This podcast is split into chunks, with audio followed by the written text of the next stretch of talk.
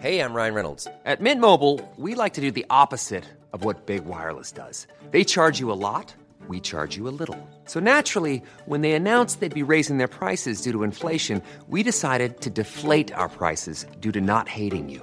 That's right. We're cutting the price of Mint Unlimited from $30 a month to just $15 a month. Give it a try at mintmobile.com slash switch. $45 upfront for three months plus taxes and fees. Promo rate for new customers for limited time. Unlimited more than 40 gigabytes per month. Slows. Full terms at mintmobile.com. Hey, it's Ryan Reynolds, and I'm here with Keith, co star of my upcoming film, If, only in theaters, May 17th. Do you want to tell people the big news? All right, I'll do it. Sign up now and you'll get unlimited for $15 a month in six months of Paramount Plus Essential Plan on us. Mintmobile.com slash switch. Upfront payment of $45 equivalent to $15 per month. Unlimited over 40 gigabytes per month. Face lower speeds. Videos at 480p. Active Mint customers by 531.24 get six months of Paramount Plus Essential Plan. Auto renews after six months. Offer ends May 31st, 2024. Separate Paramount Plus registration required. Terms and conditions apply if rated PG.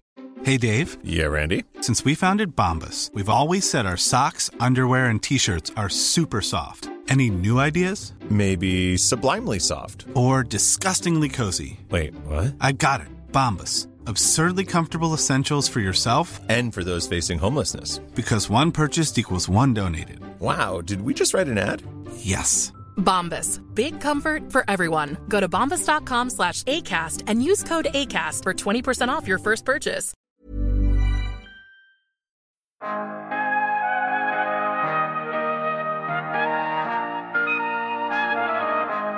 Per, om du ska gå över gatan, vad litar du mest på? En lastbil med chaufför eller en självkörande lastbil utan chaufför som kommer på gatan? Mm, ja, först och främst så kanske jag litar mest på mig själv. Men eh, instinktivt just nu så känns det nu som att jag skulle lita på en lastbil med chaufför. Men eh, när man tänker efter lite så är nog en självkörande lastbil utan chaufför som är kopplad till ett eh, bra system mer pålitligt. Du lyssnar på podden Allt du behöver veta om ny teknik. I det här avsnittet pratar vi självkörande lastbilar med Enrides VD Robert Falk.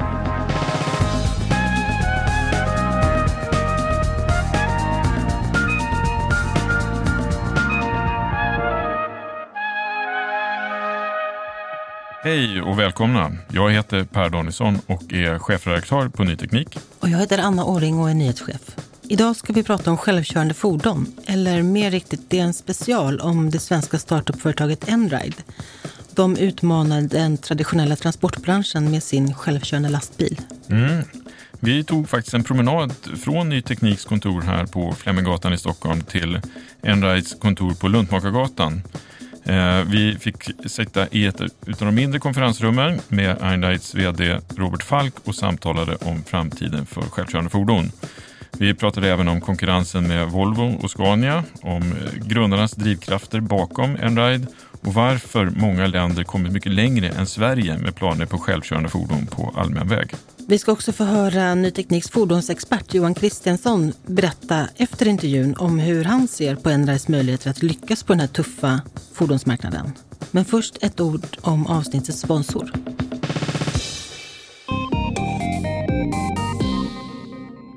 Dagens program sponsras av Comsol. Anna, vad kan du säga om Comsol? Det är det svenska företaget som utvecklar mjukvara för simulering. Det används för till exempel design och utveckling av litiumjonbatterier, kylning av elmotorer och skärmning av elektriska fält. Ett exempel är att Samsung använder Comsol för design av högtalare till sina tv-apparater. Ja, precis. Och allt det där är faktiskt rätt häftigt. Och nu är det faktiskt så att fler kan ta del av Comsols beräkningar. En nyhet är att man kan skapa fristående simuleringsapplikationer som kan köras av vem som helst utan behov av licens. Och vill man veta mer, ja, då är det bara att gå in på comsol.se. Ja, då är vi på Enrais kontor på Luntmakargatan i Stockholm och har Robert Falk med oss. Välkommen! Tack snälla. Du, innan vi börjar prata om självförsörjande fordon och Enride så kan väl du kort berätta vem du är? Eh, mitt namn är som sagt var Robert Falk. Jag är vd och grundare för Enride. Eh, kommer från uppifrån norra Bohuslän. Har pluggat och läst i Göteborg. Och eh, efter ett sväng i USA och lite några år i automotivbranschen så grundade jag tillsammans med eh, Linnea Kornehed och Filip Lilja Enride. Dagens ämne är ju självkörande fordon och ditt företag Enride har ju fått en massiv uppmärksamhet kring eh, just er självkörande lastbil. Eh, kan inte du kort berätta vad Enride är och hur er så kallade podd är uppbyggd avseende teknik och design? Absolut. Vi startade Enride med det syftet att driva på den tekniska förändringen. Eh, min insikt i det här ganska tidigt var väl att det skulle kunna göras på ett annorlunda sätt. Att hitta nya lösningar, att driva på den faktiska förändringen som sker nu.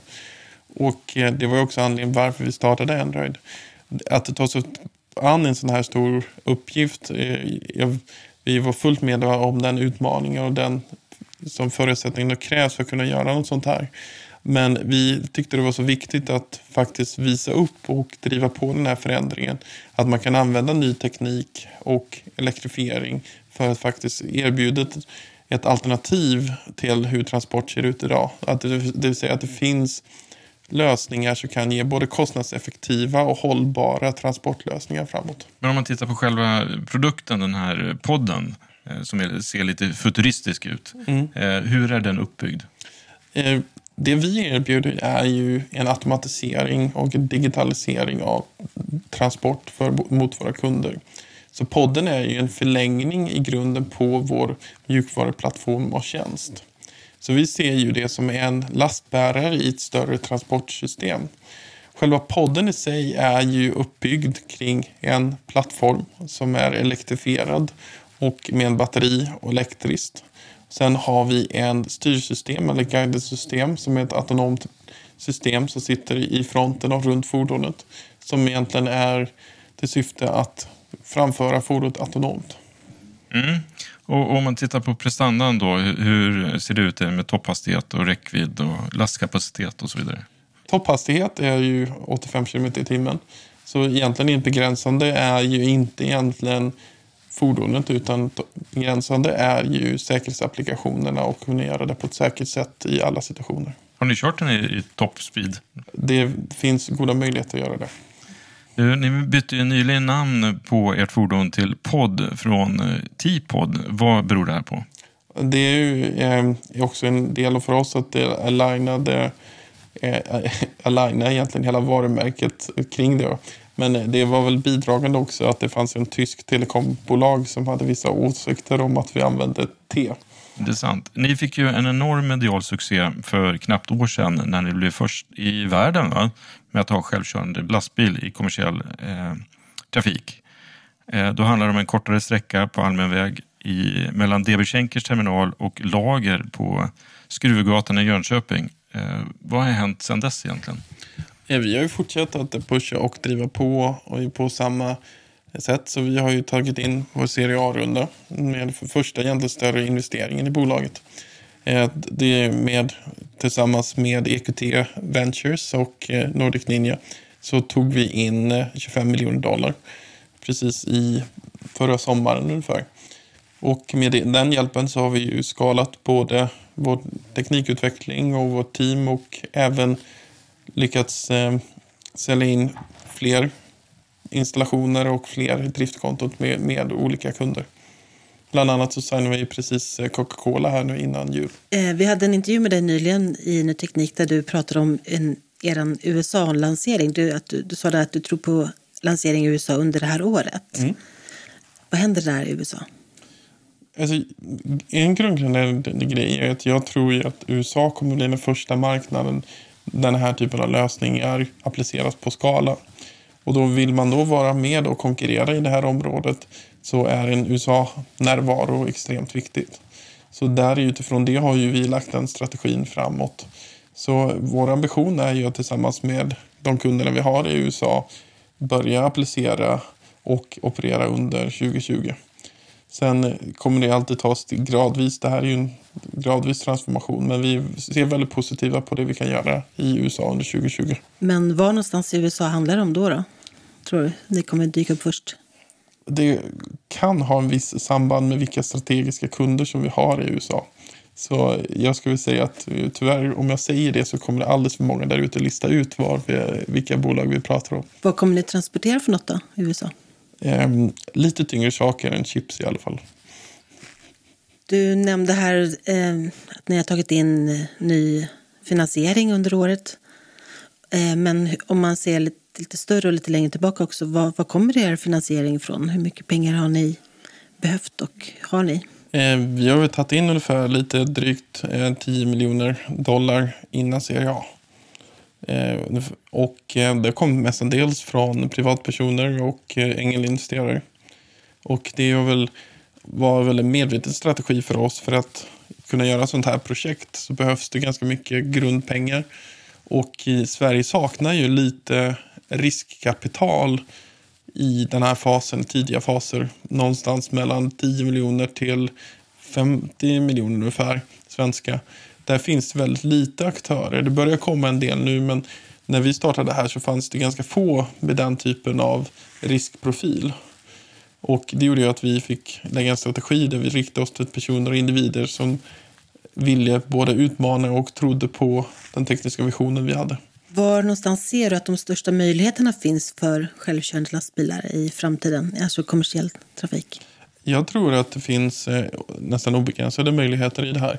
Det här är ju en av de största branscherna som vi har där ute. Det är ju 2000 miljarder dollar ungefär som den här branschen omsätter globalt. Så det här är ju en enorm bransch att ge sig in på. kan vi bara ta säg 5 av den så är det en enorm marknad redan där. Ehm, men sen så kommer inte den här tekniken vara tillämpbar överallt och i alla situationer och inte i alla kontext. Till exempel att köra självkörande i en exempelvis indisk miljö är lite mer avancerad. Jag brukar säga att det finns ju sex nivåer på det. Det är, det är 1 till 5 självkörande och så finns det nummer 60 och det är indisk nivå. Och det, är, det finns ju nästan obegränsade utmaningar med när man ska applicera det i vissa kontext. Och för oss så handlar det snarare om att hitta rätt kontext där det kan vara användbart än att försöka lösa alla kontexter. Hur lång tid kommer det ta tror du att elektrifiera alla fordon och på sikt också eh, ta bort behovet av förare för vägtransporter? Jag tror ju att det här, vi är inne i en transformation.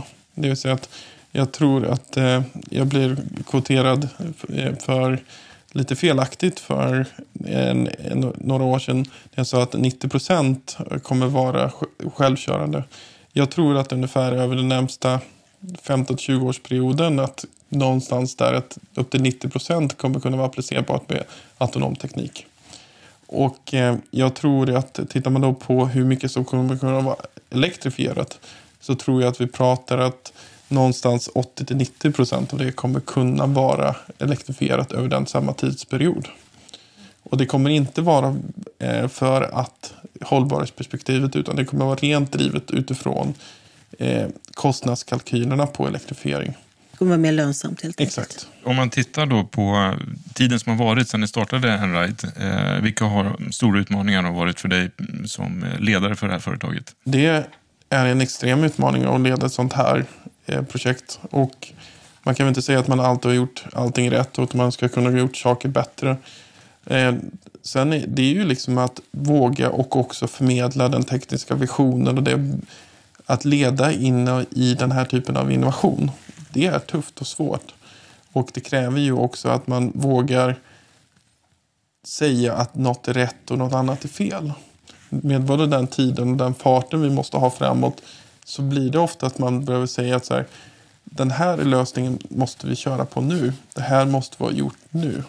Det vill säga att i vissa avseenden så måste man ha en öppen dialog där alla kan ge en input. Men sen måste man också ha en stark commitment från teamet och organisationen för att den här lösningen och det här går vi på nu. Du sa tidigare här i, i samtalet att eh, mjukvara är, liksom en, det är en väldigt viktig del för er såklart. Och eh, när man går omkring här på ert kontor så ser man att konferensrummen är döpta efter olika kodare. Eh, så att det kan väl ge en indikation på vad ni anser att ni själva är. Men ja, är ni ett mjukvarubolag?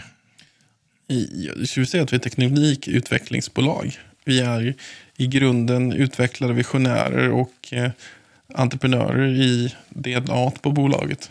Och det, det, I rummen så ser vi också uppfinnare och eh, visionärer i som har varit med och förändrat både sina egna branscher och det, hur man ser på det.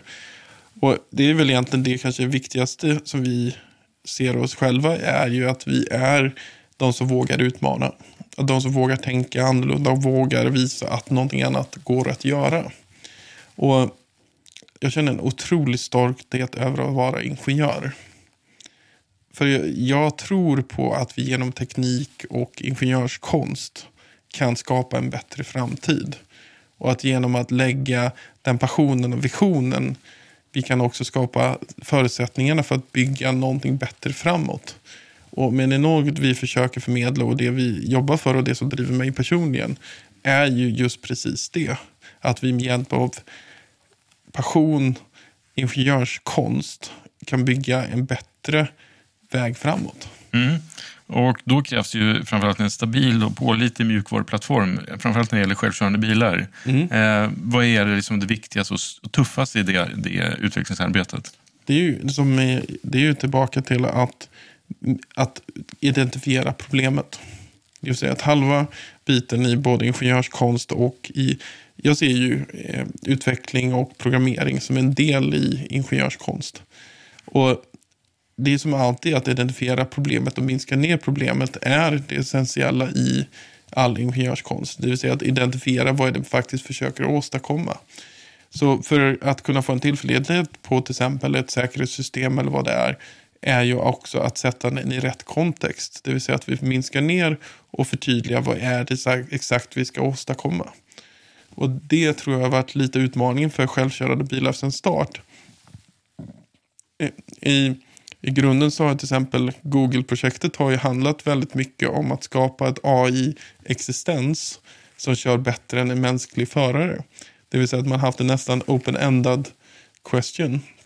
Alltså man har en upp, helt öppen fråga kring att vi ska skapa en enhet som kör bättre än en människa i alla situationer. Det är en ganska stor fråga. För oss handlar det snarare om att minska ner och säga vi vill köra från A till B. Och vi ska kunna lösa just precis det. För det är det som våra kunder efterfrågar. Inte att ha en öppen lösning som klarar alla situationer. Mm, eh, intressant. Eh, om man tittar på produktionen av er podd, då, så, eh, vilka är de stora fördelarna jämfört med när exempelvis Scania ska utveckla och tillverka sin lastbil? Alltså, vi är ju i grunden inte en hårdvaruleverantör eller tillverkare på det sättet. Vi är ju inte i grunden en mekanisk verkstad. Vi har ju inte den traditionen av komplex montering. Vi har inte, inte den vi kommer ifrån. Utan vi är ju i grunden ett tekniskt bolag. Och tittar man på likheten så är till exempel, låt oss beskriva, vi har ju tagit en hårdvarustrategi som är lik ett, vad ett modernt mjukvaru teknikbolag har. Till exempel så har vi samma mjuk hårdvarustrategi som Nvidia, eh, Google, Apple. Alla de använder sig av eh, tillverkningspartners för sin hårdvara. Och det är på samma sätt som vi ser att det här ekosystemet kommer att utvecklas. Det vill säga att det finns teknikleverantörer, mjukvaruleverantörer, plattformsleverantörer och sen finns det hårdvaruleverantörer. Att någonstans så består de flesta OEM-erna, hårdvarutillverkarna, de som är befintliga. Jag tror de har någonstans kanske fem personer av topp 200 i bolaget är, har en IT-bakgrund. Eh, om man tittar på totala bolagen så har vi kanske 100 000 anställda. Varav vi kanske har 1000 personer som jobbar med IT. Det tycker jag lite säger lite om vilken typ av bolag det är. Men, men det, säger du då att det är OEM-tillverkning som kommer att vara det, den största eh, delen av de, när vi får se fler poddar rulla ut på gatorna? Det är ju naturligtvis, vi, vår strategi är ju att ha hårdvarupartners och eh, jobba med bolag som är väldigt bra på att bygga eh, hårdvaruplattformar. Kan du nämna några som ni för samtal med? Eh, vi för väl eh, samtal med de flesta just nu. Okej, när, när får vi se eh, ett flertal poddar från andra tillverkare rulla på gatorna? Då? Det är inte alltför avlägsen framtid. Vi, redan nu så har vi hårdvaruleverantörer som levererar de här poddarna. Sen är det ju en, gradvis ökning av alla volymer. Och eh, vi har väl en ambition att vi ska ha tusentals i, i drift mot 2025. Och som det ser ut nu så har vi ju både kunder efterfrågan och den finansiella och den industriella planen för att kunna nå det. Hur ser framtiden ut för Enra idag? Eh, hur ska ni kunna slå de här stora tillverkarna eller kommer det vara så att ni blir uppköpta av någon annan aktör? Alltså, alltså, min ambition är ju att fortsätta bygga och driva och utmana. Och det är ju så, så länge jag får chansen och möjligheten och förtroendet från de investerarna som vi har eh, så tänker jag fortsätta göra det. Och det är ju varför vi startade bolaget och också vad vi vill fortsätta göra. Och eh, det, är, det är bara att konstatera att eh, exempelvis så var det ju Kodak som var först med att ta fram en digital kamera. Men det var inte Kodak som vann digital kameraracet. På samma sätt så på många sätt finns väldigt mycket likheter med ett annat svenskt världsledande bolag Facit som var världsledande mekanisk verkstad på att tillverka eh, mekaniska räknare. Och den här transformationen är väl egentligen likvärdig egentligen att gå från att göra mekaniska räknare till att göra elektriska räknare. Och den transformationen var ju utmanande för, minst sagt, för Facit. Och det är väl lite den transformationen som på vissa sätt de stora eh, mekaniska eh, bolagen har framför sig också. Ni är mer Kodak än Facit då? Eh, jag hoppas inte en, enadera. Nej. När vi pratar om konkurrenterna då, hur, hur ser du på att Volvo och Scania nu har flyttat fram sina positioner när det gäller självkörande? Jättebra. Jag ser fram emot när de kommer till marknaden. Men eh, jag ser fortfarande fram emot att få se en eh, releasedatum och en, när Vera kommer till marknaden. Vad tycker du om Volvos lösning? Jag tycker de är väldigt bra på att bli inspirerade av andra spelare i marknaden. Så det du säger är att de har tagit efter det lite? De kunde i alla fall ändrat lite av texterna ibland. Menar du då för att förklara? Nej, alltså det är, ju, det är ju kul att vi kan inspirera de övriga branschen. Det, det är en bransch med lite kaxighet också mellan konkurrenter. Nej, det, det, det, känner jag inte på det sättet. Utan det, vi, vi startar ju bolag som sagt för att utmana och befintliga. Det är ju så här att bara de svenska OEM står ju för någonstans 1-2 av globala CO2-utsläppen. Och det är ju den teknikskulden som vi som nation har. Det är ju någonting som vi pratar ju väldigt mycket i Sverige om. Den liksom så här, vad ska man säga, vår ambition inom hållbarhet och att kunna göra en omställning. Det vi inte pratar om är den skuld vi har som tekniknation. Det är ju så här att vi är ju en världsledande tekniknation när det kommer till tekniska lösningar. Och många av de här lösningarna är ju direkt kopplade till hur faktiska utsläppen går till. Tittar du på till exempel de dieselmotorerna som produceras indirekt eller direkt i Sverige så det är 1-2 procent. Vi har andra bolag som sysslar med eh, motorer för fartyg. Det vill säga så 90 procent av nyckelkomponenterna för en dieselförbränningsmotor i ett fartyg kommer från svenska leverantörer. Och där är ytterligare någonstans 3-4 procent av globala koldioxidutsläpp som kommer från framförandet av fartyg. Och så här ser det ut på en rad applikationer till. Så svensk teknik är direkt eller indirekt ansvarig för en stor del av koldioxidutsläppen globalt. Vi sitter svensk teknik i kolkraftverk, det sitter svensk teknik i eh, nästan alla förbränningsmotorer. Det finns svensk teknik i de flesta bilar. Det vill säga att vi har ett starkt bidragande till hur vi ser ut idag. Och våra svenska tekniska lösningar är ju en stor del i hur det ser ut idag.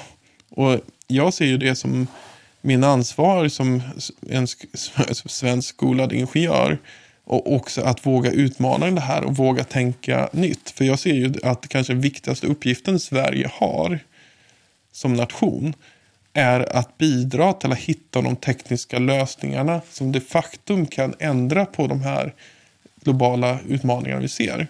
För där har vi ett betydligt mycket större ansvar än vi själva har som i faktiska utsläpp.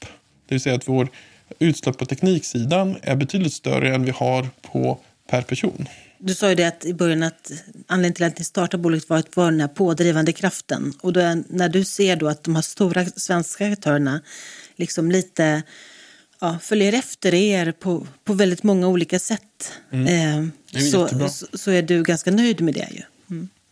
Eh, sen så kan jag tycka, kan man skicka en allmän, så jag tycker både som anställd och som Eh, aktieägare och som samhällsmedborgare ska ställa frågan är ju när kommer bolagen som man interagerar med, som man är delägare i, som man jobbar för, när kommer de vara koldioxidneutrala? När är ambitionen att man inte bidrar till den typen av teknik längre? Och det, det är ju, tycker jag är nästan lite grundnivå. Och där har vi en stor utmaning. Och flera av svenska stora industribolagen har ju en jätteomställning att göra för att kunna nå de här målen.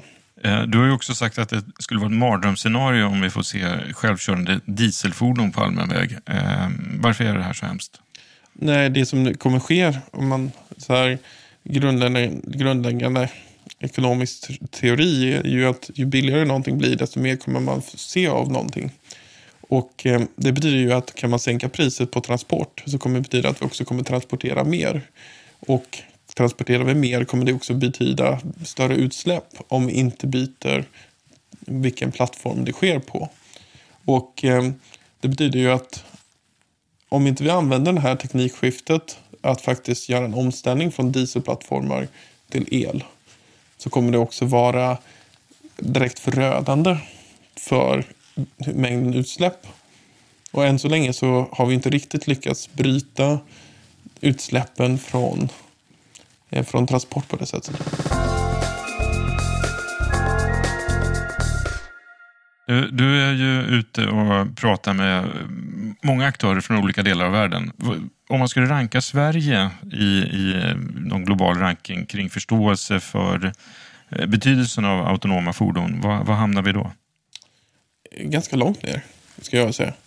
Ehm, det pågår ett ganska stort race i Asien. Ehm, jag tror att i Japan så ser man ju autonoma fordon som en lösning på en åldrande befolkning.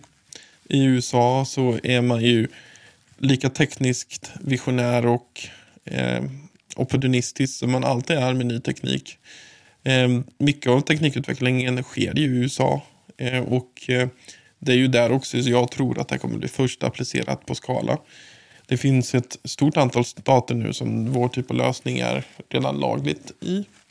Eh, så jag skulle säga att det finns på vissa sätt en medvetenhet men samtidigt inte förståelse för hur viktigt det här är för var vi ska någonstans. Och, och hur känns det? Tillbaka till varför vi startade det här. Det var ju för att just precis driva på det här och visa upp att det här, vi också kan göra det. Jag tror det lite handlar också om ett i grunden självförtroende. Det är ju som, jag är så jag är lite nördigt intresserad av hockey också så jag brukar följa lite den utvecklingen vi sett på svenska NHL-spelare. Lite vad till exempel Peter Forsberg och Niklas Lidström och Mats Sundin, den generationen, deras inbrytning i och dominans i NHL och visande att det faktiskt går att dominera på högsta nivån. Hur mycket den har betytt för nästa generation av svenska världsspelare. Och lite så är det ju som inom teknikyrket och entreprenörsyrket också. Att visa där att vi i Sverige kan skapa världsledande tekniska bolag som ligger i framkant och också tar på sig den globala ledarrollen. Vi har ju sett en rad svenska tjänstebolag och digitala tjänstebolag som har fått stark genomslag. Det vi har försökt göra med Android är ju att visa att man kan starta upp ett te världsledande teknikbolag som sysslar med teknisk utveckling och visa att det här är också vi kan konkurrera med både Silicon Valley och Kina och övriga världen och visa att vi är och vi kan. Och det är ju någonting som jag hoppas att vi kan se mer framåt. Är ju att svenska ingenjörer och svenska teknikbolag vågar visa upp sig och vågar säga nu ska vi konkurrera på ett global spelfält. Det vill säga att eh, låt oss ta oss an det som sker i Silicon Valley och ta oss an det som sker i Kina. Våga ha lite självförtroende i det vi gör. Vilken liga spelar ni i nu? Men vi vill ju alltid spela på högsta ligan. Men är ni inte där än eller? Ja, det ska vi säga. Vi är väl topp tre fundade bolagen i vår kategori. Just så eh, alltså, som sagt var. Ehm, det är inte alltid det handlar om att vara den som är bäst. Har störst resurser eller bäst eh, legacy eller gjort någonting tillräckligt länge. Så för vår del så rankas ju vi som topp tre i den kategorin som vi tävlar emot. Så jag skulle säga att eh, vi hävdar oss väldigt väl utifrån de förutsättningarna vi har. Selling a little or a lot? Shopify helps you do your thing however you cha-ching. Shopify is the global commerce platform that helps you sell at every stage of your business. From the launch your online shop stage to the first real life store stage, all the way to the did we just hit a million orders stage. Shopify is there to help you grow. Shopify helps you turn browsers into buyers with the internet's best converting checkout. 36% better on average compared to other leading commerce platforms because businesses that grow grow with Shopify. Get a $1 per month trial period at shopify.com/work. shopify.com/work. If you thought the only way to get a more defined jawline with natural-looking results was through surgery, think again. Juvederm Volux XC is a non-surgical injectable gel filler that improves moderate to severe loss of jawline definition and can help you achieve natural-looking results with little downtime. Even better, this improved definition lasts up to 1 year with optimal treatment. No maintenance required. Improve jawline definition for a smooth, sculpted look with Juvederm Volux XC. For important safety information and to find a licensed specialist, visit juvederm.com. That's J U V E D E R M.com. Not for people with severe allergic reactions, allergies to lidocaine, or the proteins used in Juvederm. Common side effects include injection site redness, swelling, pain, tenderness, firmness, lumps, bumps, bruising, discoloration, or itching. There's a risk of unintentional injection into a blood vessel, which can cause vision abnormalities, blindness, stroke, temporary scabs, or scarring. Talk to a licensed specialist to find out if it's right for you. Hey, I'm Ryan Reynolds. At Mint Mobile, we like to do the opposite of what Big Wireless does. They charge you a lot, we charge you a little. So naturally, when they announced they'd be raising their prices due to inflation, we decided to deflate our prices due to not hating you. That's right. We're cutting the price of Mint Unlimited from $30 a month to just $15 a month. Give it a try at mintmobile.com slash switch. $45 upfront for three months plus taxes and fees. Promote for new customers for limited time. Unlimited more than 40 gigabytes per month. Slows. Full terms at mintmobile.com. Hiring for your small business? If you're not looking for professionals on LinkedIn, you're looking in the wrong place. That's like looking for your car keys in a fish tank. LinkedIn helps you hire professionals you can't find anywhere else, even those who aren't actively searching for a new job but might be open to the perfect role. In a given month, over 70% of LinkedIn users don't even visit other leading job sites. So start looking in the right place. With LinkedIn, you can hire professionals like a professional. Post your free job on linkedin.com slash people today. Hey, Dave. Yeah, Randy. Since we founded Bombus, we've always said our socks, underwear, and T-shirts are super soft. Any new ideas? Maybe sublimely soft. Or disgustingly cozy? Wait, what? I got it. Bombus. Absurdly comfortable essentials for yourself And for those facing homelessness. because one purchased equals one donated. Wow, did we just write an ad? Yes. Bombas. Big comfort for everyone. Go to bombas.com slash ACAST and use code ACAST for 20% off your first purchase.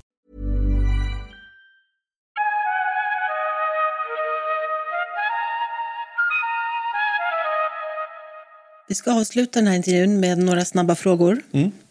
När får vi se en självkörande lastbil från Enride i innerstadstrafiken? Eh, Det kommer nog dröja eh, några år.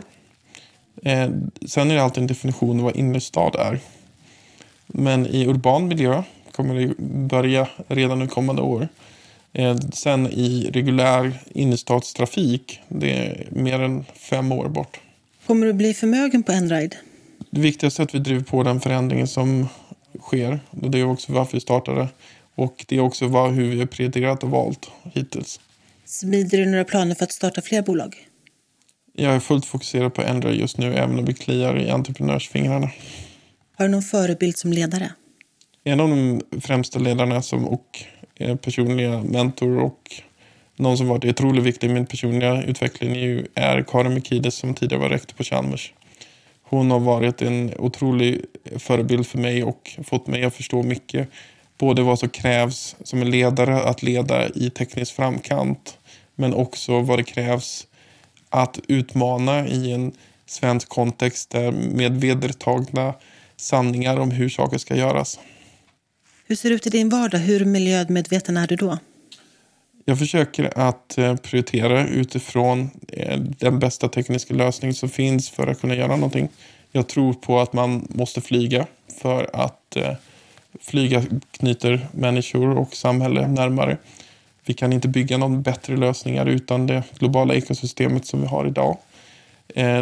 Så jag tror att vi måste tekniskt sett lösa bättre flyg. Jag försöker att välja vegetariska alternativ. Jag försöker att själv medvetet göra rätt val.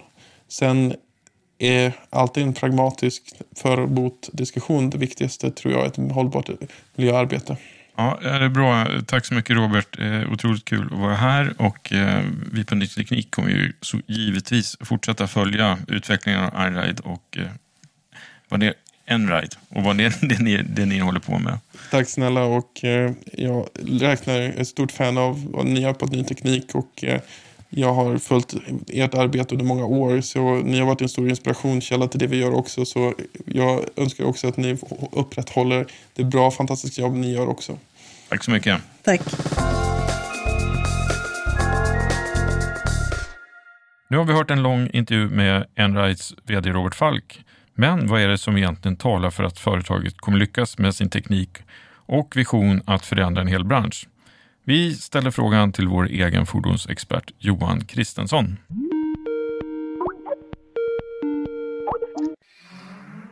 Hej Johan Kristensson. Eh, du har lyssnat på intervjun med Robert Falk nu.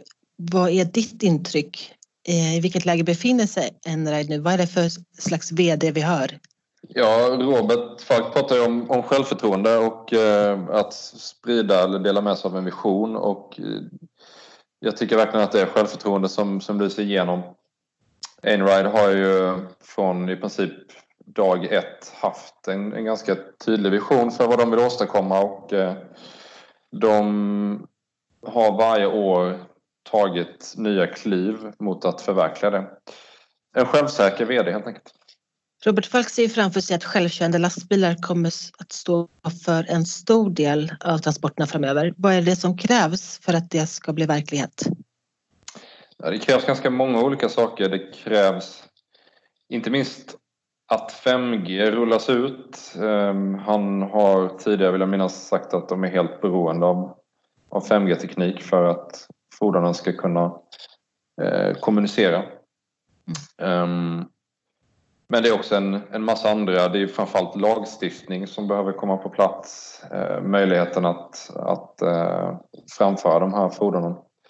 Och lagstiftning beror på politiker som, som i sin tur beror på opinioner. Och eh, en, en sån olycka som till exempel Uber drabbades av i USA där en, en kvinna blev ihjälkörd påverkar opinionen. I intervjun där så pratade vi en del om de eh, två stora svenska lastbilstillverkarna Scania och Volvo. Och när det gäller då självkörande transporter, hur lägger Enride till jämfört med dem enligt dig? Robert Falk har ju, han, han tycker om att, eh, att vara eh, kaxig gentemot Volvo och Scania. Det har han uttryckt flera gånger tidigare när jag intervjuat honom. Och Ehm, vi fick ju nu höra hur ehm, han tyckte att Volvo hade kopierat eh, med sin Volvo Vera. Alltså eh, Einrad ligger bra till tycker jag. Volvo Scania har, har gjort mycket på området men det är faktiskt först det senaste året drygt som de båda bolagen har skapat eh, alltså affärsområden för just självkörande teknik. Medan Einrider har liksom tuggat på med sin vision från, ja, det börjar väl närma sig fem år nu, eller fyra i alla fall.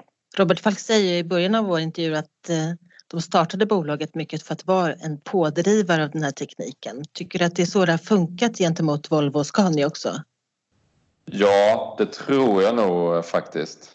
De är, Einride är en väldigt liten spelare fortfarande.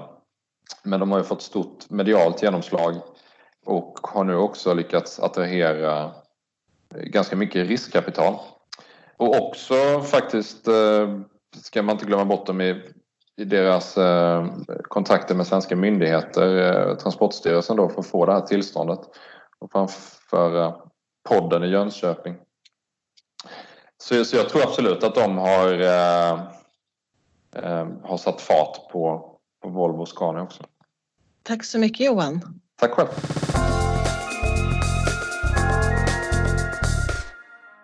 Okej, då närmar vi oss slutet på det här avsnittet. Om du vill fördjupa dig och lära dig mer om självkörande fordon så kan du gå in på nyteknik.se. Där finns det massor med artiklar i det här ämnet. Och eh, vi ska passa på att tacka dagens huvudsponsor Comsol. Och som vanligt så finns alla avsnitt på Acast, Spotify, iTunes och givetvis på nyteknik.se. Och klicka gärna på prenumerera så missar du inget avsnitt. Om du har några åsikter om det här innehållet eller tips på ämnen vi ska ta upp eller intressanta personer som vi kan intervjua, mejla då till redaktionen nyteknik.se. Jag heter Anna Oring. Och jag heter Per Danielsson. Tack för att du lyssnade.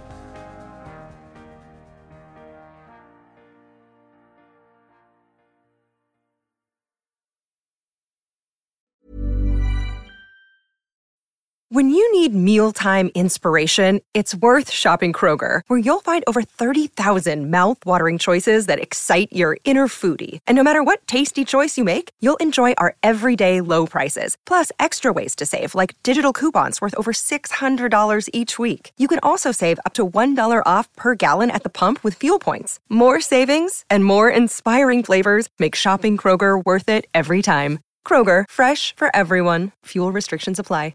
Save big money on everything for your next project at Menards. Spring is here, making it the perfect time for outdoor projects. Suncast storage sheds are an excellent solution for protecting outdoor lawn and gardening tools. They're easy to assemble, and the all weather construction provides water resistance and UV protection. Save big on Suncast storage sheds. View our selection of Suncast products today in store and on Menards.com. Save big